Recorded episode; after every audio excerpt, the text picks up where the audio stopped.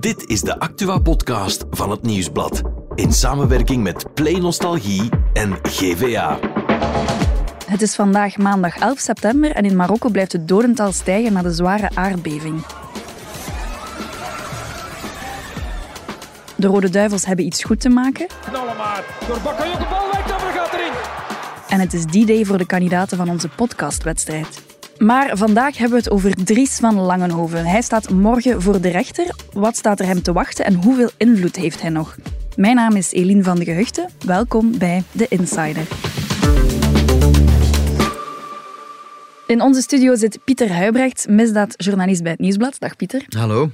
Pieter, we gaan het vandaag hebben over een strafproces dat morgen start, namelijk dat tegen Dries van Langenhoven. Waarvoor staat hij terecht? Ja, voor een hele hoop uh, aantijgingen. Hè. Negationisme, het ontkennen van de holocaust, dat is een zware aantijging. Uh, aanzetten tot haat, discriminatie, geweld en segregatie. Uh, als ook het verspreiden van denkbeelden die gegrond zijn op rassenhaat en, en rassensuperioriteit. En Dries van Langenhoven zelf staat ook terecht voor het bezit van pepperspray. Oké, een verboden wapen. Een verboden wapen waar hij uh, gek genoeg de zwaarste straf voor riskeert. Dus de straffen voor verboden wapendracht, kan een straf tot vijf jaar cel krijgen, is meer dan aanzetten tot haat of uh, het ontkennen van de straf, holocaust. Maar bon, dat zijn heel zware aantijgingen. Hoe is dat onderzoek eigenlijk ooit gestart?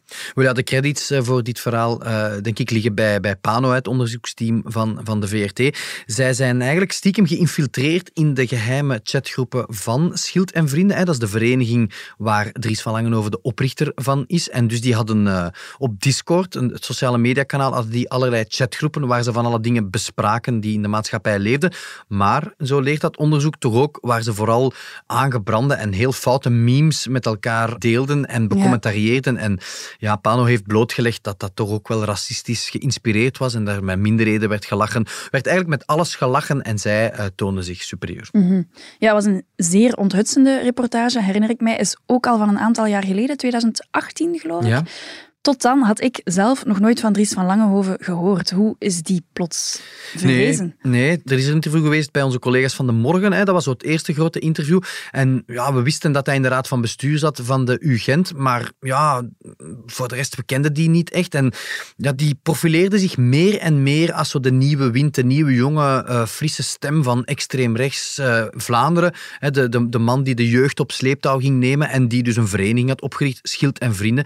En die gingen af en toe protesteren. Ze doken op het, aan het Belfort op in Gent bijvoorbeeld om te protesteren tegen van alles en nog wat. En ja, die groepering werd groter en groter. En ja, op nieuwsredacties werd ook wel eens over die man de gesproken. De aandacht uh, was gewekt. Ja, wat doet die man? Hè? Want die is duidelijk wel bespraakt. Hè? Wie, moeten we die eens gaan interviewen? Nee, we moeten die niet gaan interviewen. Huh? Dat is toch wel vreemd wat hij allemaal aan het doen is. En toen kwam de reportage van Pano. Toen bleek er vooral ook een heel duister kantje te zijn aan de, aan de ja. vereniging die Ja. hij had opgericht. Hè? Ja. Nu, de dag na die ja, grote Pano-ontmaskering, zullen we het noemen, ben jij Dries van Langenhoven gaan interviewen. Hè? Ja, dat was een, eh, een, ja, een, een keer met die, die gekke ochtendvergadering nog van ja, hè, wat we moeten doen na zo'n on- onthutsende reportage, we moeten Dries van Langenhoven gaan interviewen. We- we- ja, Een onmogelijke opdracht lijkt het dan. ja, want wij dachten, ja, die zit ergens eh, diep verscholen in een grot. Maar dus ik trok naar Opwijk in Vlaams-Brabant, waar hij woonde, eh, destijds nog bij zijn ouders. En ik herinner me, ik ga het nooit vergeten, eh, ja, Dries van Langenhoven kwam naar buiten en het eerste wat ik deed, Eline, was mijn camera bovenhalen en hem, ik begon hem te filmen. En hij zei, meneer de journalist, stop met filmen, maak u geen zorgen, u mag mij interviewen. Ik heb niets te verbergen, maar ik ga eerst wel mijn kostuum aandoen. Dat is een typische uitspraak voor Dries van Langenhoven, denk ik. Een beetje de posterboy ook wel van, eh, van extreem rechts dan, op dat ja, moment. en ik herinner mij vooral dat hij heel ja, arrogant en zelfzeker overkwam. Het was, geen, het was niet iemand die in de touwen hing. Want hij moet weten, heel Vlaanderen was gedegoûteerd door, door wat ze in die Pano-aflevering hadden gezien. En hij stond daar in zijn kostuum Heel rustig te antwoorden op, op, op alle vragen.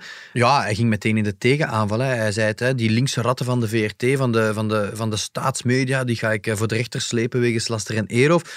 Dus ja, hij was, hij was heel, heel, heel strijdvaardig. Ehm, ook al wist hij, denk ik wel, dat er eh, storm ging komen. Mhm.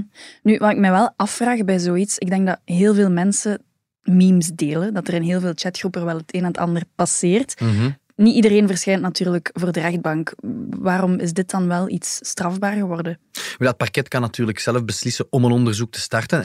Eerst natuurlijk, ja, er is klacht ingediend, er is een onderzoek gestart, er hebben mensen zich burgerlijke partij gesteld, onder andere een uh, oud-magistraat, Henri Heijmans, wiens ouders bijna om het leven zijn gekomen in de concentratiekampen. Dus dat, is, dat heeft een serieuze ampleur gekregen. En wat er dan gebeurt is, dan gaan de speurders kijken van welke memes zijn dat hier. Wat is er gebleken? Het gaat over honderden memes. Het gaat niet over één meme die misschien wat ongelukkig is. Het gaat over honderden memes waarvan de speurders zeggen, ja, dat is hier gewoon plat racisme. Er wordt hier gelachen met Joden. Men ontkent hier de holocaust. Uh, minderheden worden beschimd. Mensen met het syndroom van Down worden uitgelachen. Het zijn die commentaren eronder. Dus het is die... De hoeveelheid. Ja, en dat collectieve lachen met alles en zich superieur wanen, waarvan ja, het parket zegt, ja, maar dit is gewoon strafbaar. Hier gaan wij uh, verschillende dingen uit deduceren en hier gaan wij finaal zeven mensen die we willen vervolgen uh, Voor de naar de rechtbank sturen. Als je naar de import van cocaïne kijkt, ja, dan moet je vaak op zoek naar Colombianen en Marokkanen, als het hier in België is. Een ander duidelijk voorbeeld waren de grooming gangs in Engeland, waar duizenden jonge Britse meisjes systematisch werden gegroomd en verkracht door bendes. Die bendes die bestonden bijna altijd uit Pakistaanse migranten. Ja, hier hebben we Dries van Langenhoven gehoord in een van zijn eigen video's. Een video die staat op wat hij zijn eigen mediakanaal noemt een kanaal op YouTube met de naam Kies Dries. Ja, dat is zijn, uh, zegt hij toch zelf, zijn voornaamste bron van inkomsten geworden. Hè. Hij is, hij is ja, een influencer geworden op sociale media.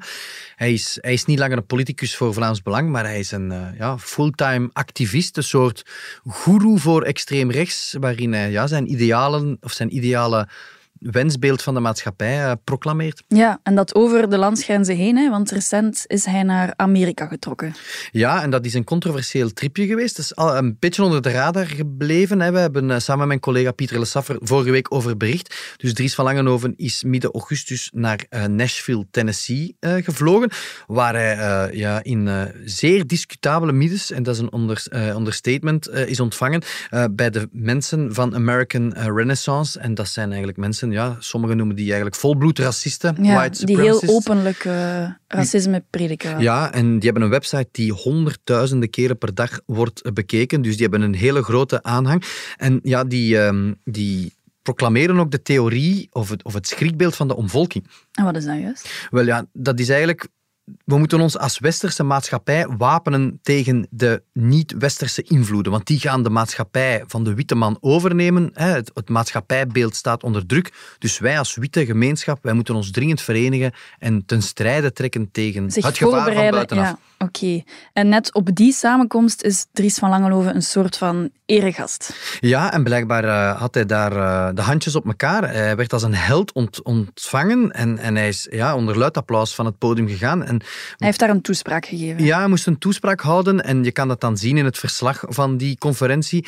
Want blijkbaar heeft hij daar ja, geprogrammeerd van ja, hoe je je ideale gezin moet stichten. Hè. We moeten naar de natuur met z'n allen. We moeten ons wapenen tegen wat komt. Ja, echt extreem rechtse ideaalbeelden gecombineerd met hoe hij de ideale maatschappij ziet. Ja. Hè. Een, een, een verhaal van gezond zijn, fit zijn. En, en hij richt zich ook specifiek tot jongeren vaak, want ik heb iets horen vallen over Netflix bijvoorbeeld.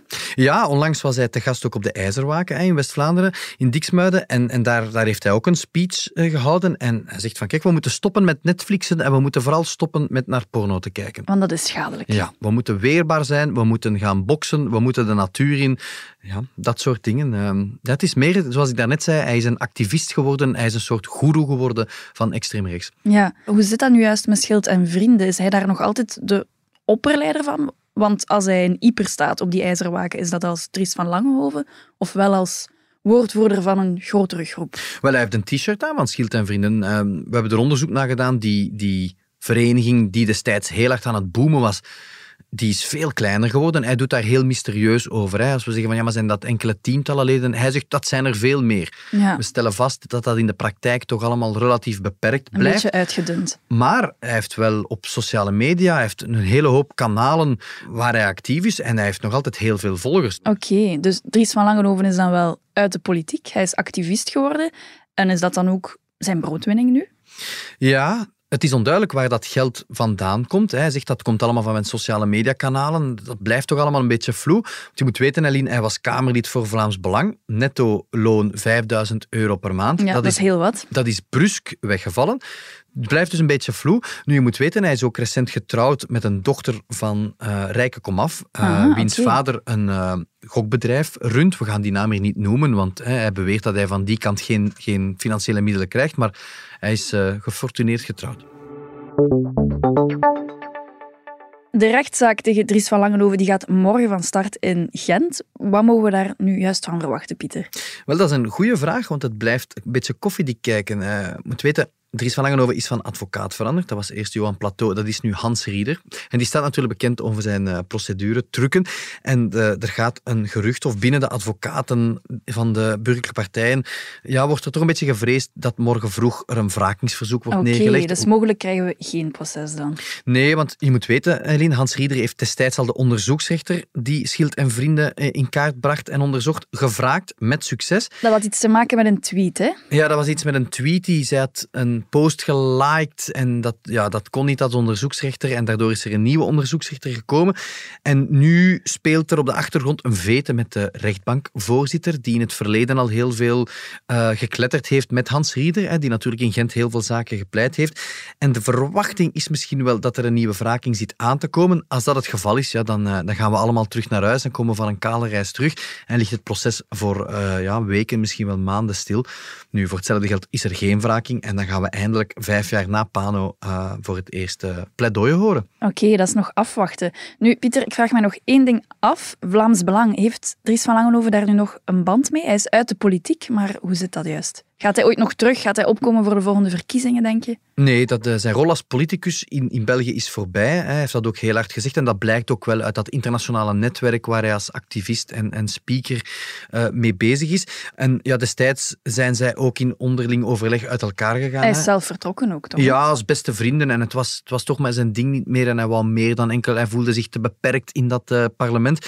Dus hij gaat zeker niet terugkeren voor Vlaams Belang. En hij gaat zeker niet opkomen voor de verkiezingen. Oké, okay, helder. Dankjewel, Pieter, voor jouw expertise. En dan zien we morgen wat er gebeurt met Dries van Langenhoven. Graag gedaan, Eline.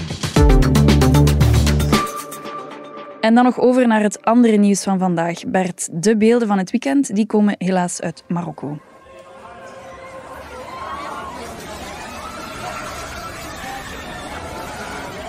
Ja, inderdaad. Uh, vrijdagavond zeer zware aardbeving. Kracht van 6,8. En ja, momenteel zijn er al minstens 2122 doden geteld. En heel veel gewonden ook. Nu, helaas zal dat nog stijgen. Want um, het epicentrum ligt in de Atlas, in het gebergte. En dat is zeer moeilijk bereikbaar. Ja, dat is een heel afgelegen streek ook natuurlijk. Ja, inderdaad. En onze collega David van Turnhout, uh, journalist bij Gazet van Antwerpen, die is ter plaatse en hij stuurde ons dit verslag. Het is nu intussen half tien s'avonds. We zijn ongeveer vijf uur onderweg met ons konvooi. En het is toch wel heel opvallend dat hoe dieper we het Atlasgebergte inrijden, hoe groter de schade blijkt te zijn. Volledige wegen zijn helemaal weggevaagd. We zijn ook dorpen tegengekomen waar amper nog een huis recht stond. Uh, en nu zijn we opgehouden uh, door steenval. Er wordt hier momenteel volop puin geruimd om de lange file met hulpgoederen die nog steeds onderweg is uh, door te kunnen laten. Uh, we hopen hier snel weer terug onze reis te kunnen verder zetten. Um, maar hoe lang die nog zal duren is onduidelijk. De schade is namelijk bijzonder groot. Oké, we horen het moeilijke situatie daar in Marokko. Over naar het sportnieuws van dit weekend. Er was de wederopstanding van Remco in de Vuelta en er was ook België-Azerbeidzjan. -hmm. Heb je het gezien? Nee, het was te mooi weer. Ja, het was zaterdagnamiddag. Prachtig weer hier.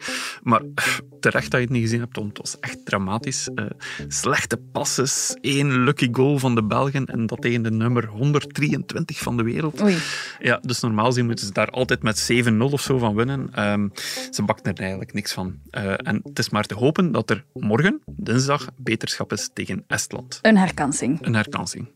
Oké, voor één keer ook geen regionieuws vandaag, maar wel iets vanuit onze eigen regionen, namelijk vanuit de podcastredactie. Prachtig. Dat is toch niet eens in het script? Die Script, dat doen we niet, hè Bert. Nee, daar doen wij zeker niet aan mee. Nee, nee, nee, nee. Maar inderdaad, de grote podcasting heet die wedstrijd. Eh, dat is een wedstrijd waarvoor 280 mensen zich in mei hebben ingeschreven. Nu, ondertussen zijn er vijf finalisten gekozen. Die hebben ook zelf hun eigen podcastaflevering gemaakt. En sinds vandaag staan die op de website van het Nieuwsblad of op het podcastkanaal op Spotify van de grote podcasting. En daar kan je die dus alle vijf beluisteren en stemmen. Oké, dus we zitten in de laatste fase van die Mhm. wedstrijd.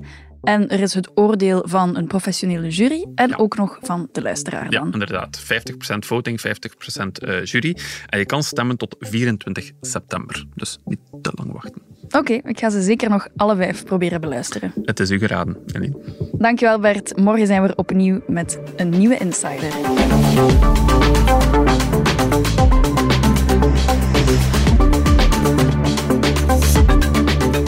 Was The Insider, een podcast van het Nieuwsblad in samenwerking met Play Nostalgie en GVA.